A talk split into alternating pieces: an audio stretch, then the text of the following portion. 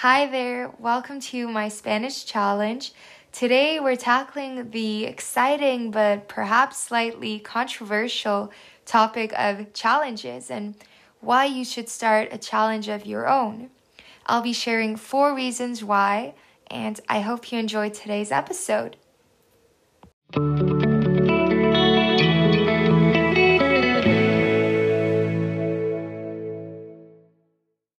Now, I don't know about you, but I really appreciate a good challenge. If you ask any one of my friends, they'll all probably agree that yes, I'm a fan of challenging myself, whether it be with the amount of books I can read in a month, how many sprints I can do, or even how positive I could be in a week.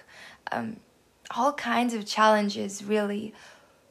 But they do help me in motivating myself and holding myself accountable, which I believe is very important and certainly one of the things we sometimes lack when we're trying to improve in skills. We have all of this passion and want, but when it comes down to putting all our beliefs and needs into practice, it gets hard and tough. So, creating a challenge might help us in this. Of course, it's natural that one might ask, but why a challenge? Couldn't you just do what you aspire to do, what you'd like to do in a more organic, less competitive way? For sure. Um, and several people do. Maybe a challenge is not for everyone, but speaking from personal um, experience, having this goal and a concrete um, idea of what I need to get done every day or every week is very motivating and above all it's easy it really simplifies the whole process because if you have a challenge you know what you need to do or what you should not do. For example, in my case, I have a Spanish challenge, which I created a few weeks ago, actually, a few months ago, with the goal to improve my Spanish, to talk more in the language, and to learn more about the culture. And since then, I've been recording episodes of myself speaking in Spanish once a week. Now, I know it might sound easy, but let me tell you, it was actually a little bit scary at first. And I recorded several episodes, several takes before I dared publish any of them. And still, I find it a bit scary doing this.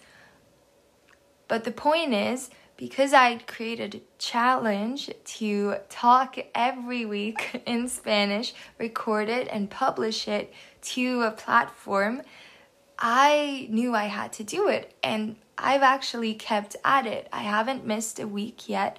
And I don't think I would have done this hadn't it been for the challenge itself. It's worth adding here that although a challenge typically accounts for a specific amount of time, whether it be a few weeks, a month, or years, there's no real need to go on with the challenge forever. You are allowed to start and see what you think about it. Um, although you have these kind of frames, um, well, there is some kind of box you're supposed to conform to in a way because you have set out a challenge with a few specific goals, of course. If not so, you would not have a challenge. But still, that does not mean that you can alter it slightly, that you can't be creative and flexible, and that you're not allowed to reflect on how it's going and if this even is for you. I'd say it's the opposite. Starting out with a few guidelines and a few things you need to do, maybe a deadline, as say a couple of months, might be the perfect start for your journey and your development in a language, in fitness skill, anything you would like to accomplish. Say you would like to create some content of your own, for example. You could have a few days a week that you would dedicate to working on your dream project. And say you've fulfilled this, you've kept working on your goal for a long time, and you've noticed that actually I would rather alter this. I would want to do something quite different. I would say that's also okay. We are allowed to change what we're doing. Um, and just as reading a book, we don't always need to finish the entire book. If you notice it's not for you, you might as well put your time into something else. That is not to say that we should just go on and leave projects around as soon as they get boring. Um, I'd say that's not the case here. Rather, it's catching the wind and trying to alter the things you're doing so that they fit more into your interests. And in that way, you'll keep staying motivated and you're set up for success. So, again, we're just trying to make it as fun and as easy as we can because it's still challenging to do a challenge. Now, here are a few reasons, five reasons I have written down on my little notepad on why you should challenge yourself. I think the first one is that it helps us to notice and remember that any skill, when we acquire any skill, we're going to be bad at it at first. Now, some people might seem as if they're super good at something first time they try it, but in general, it will take time for us to acquire a certain level that is better and this is something that will teach us to persevere and go through it. And even if we might have a difficult time at first, having a challenge will help you continue despite, will help you, um, yeah, persevere despite difficult times, not being able to do what you want. And if you're a perfectionist, having a challenge might actually be of great value for you because you'll have to sometimes um, produce things or do things even when you might feel like it's not the perfect moment, it's not the best outcome, but you'll continue at it. The second reason you could do a challenge is the belief that you're worth it too. Sorry, that you're capable of doing it too. That sounded like a beauty commercial. that was not my intention.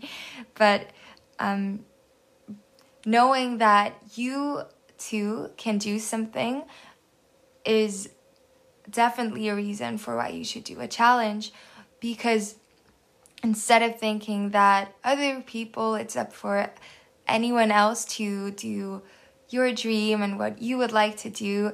Uh, maybe that's learn Italian or run or practice some yoga or learn how to bake croissants, for example. Um, having your own challenge will, whether it be on a subconscious or a conscious level, show you that you're capable of doing what you like and you're in charge of your actions and no one else.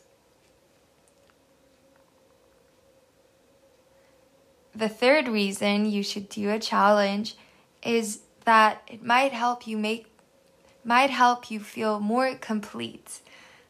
What do I mean with this? When we do things we feel we'd like to do, skills or hobbies, actions we think would help us grow as people or that bring us a lot of pleasure or that simply inspire us and excite us, I believe it makes us feel good. Period. It makes us feel good. It makes us feel more complete. At least that's how I feel. With language, for example, when I practice Spanish, I tend to feel very good. That is not to say it doesn't always, it's not always easy, but knowing that I'm practicing something I enjoy, something I believe will bring me great pleasure and be useful in the future. And it puts a smile on my face because I know I'm doing something that is probably going to improve myself as a person and that brings me pleasure. Fourth reason you should start a challenge is that you'll get very good at finding solutions. now, um, it's easy to find excuses, right? Um, I think most people are experts at this. I wish it, I mean, if there were a career that constituted of just coming up with different excuses, I think the majority, if not a lot of people at least, would be very um, good candidates for this. But if you start a challenge, you'll quickly realize that you need to find time, you need to motivate yourself, you'll need to be flexible, come up with solutions. You might need to alter your schedule or fit in a little session here and there. So instead of just saying, no, I don't feel like it today, or I don't have time, or actually, I don't know, this or that, you'll find a problem and try to solve it because you need to, because you've created a challenge.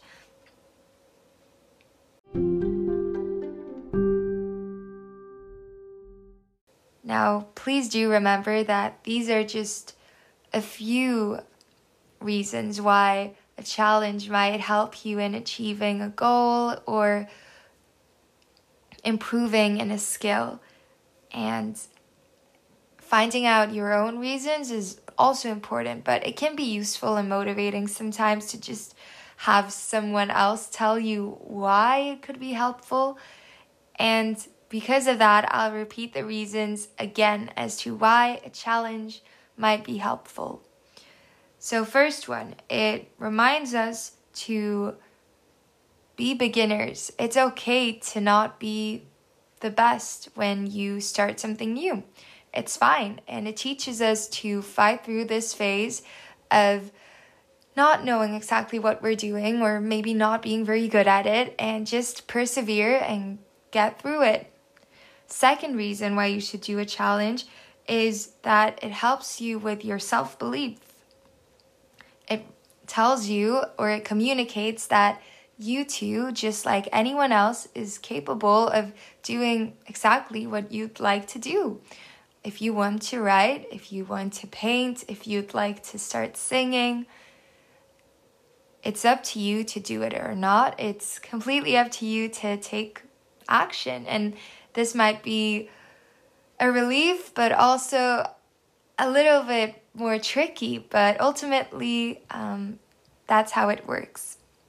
Third reason you should create a challenge is that it might help you feel more complete and as if you're headed in or towards the right direction in bettering yourself or trying to cultivate some habits or skills that you think would improve yourself now or in the future.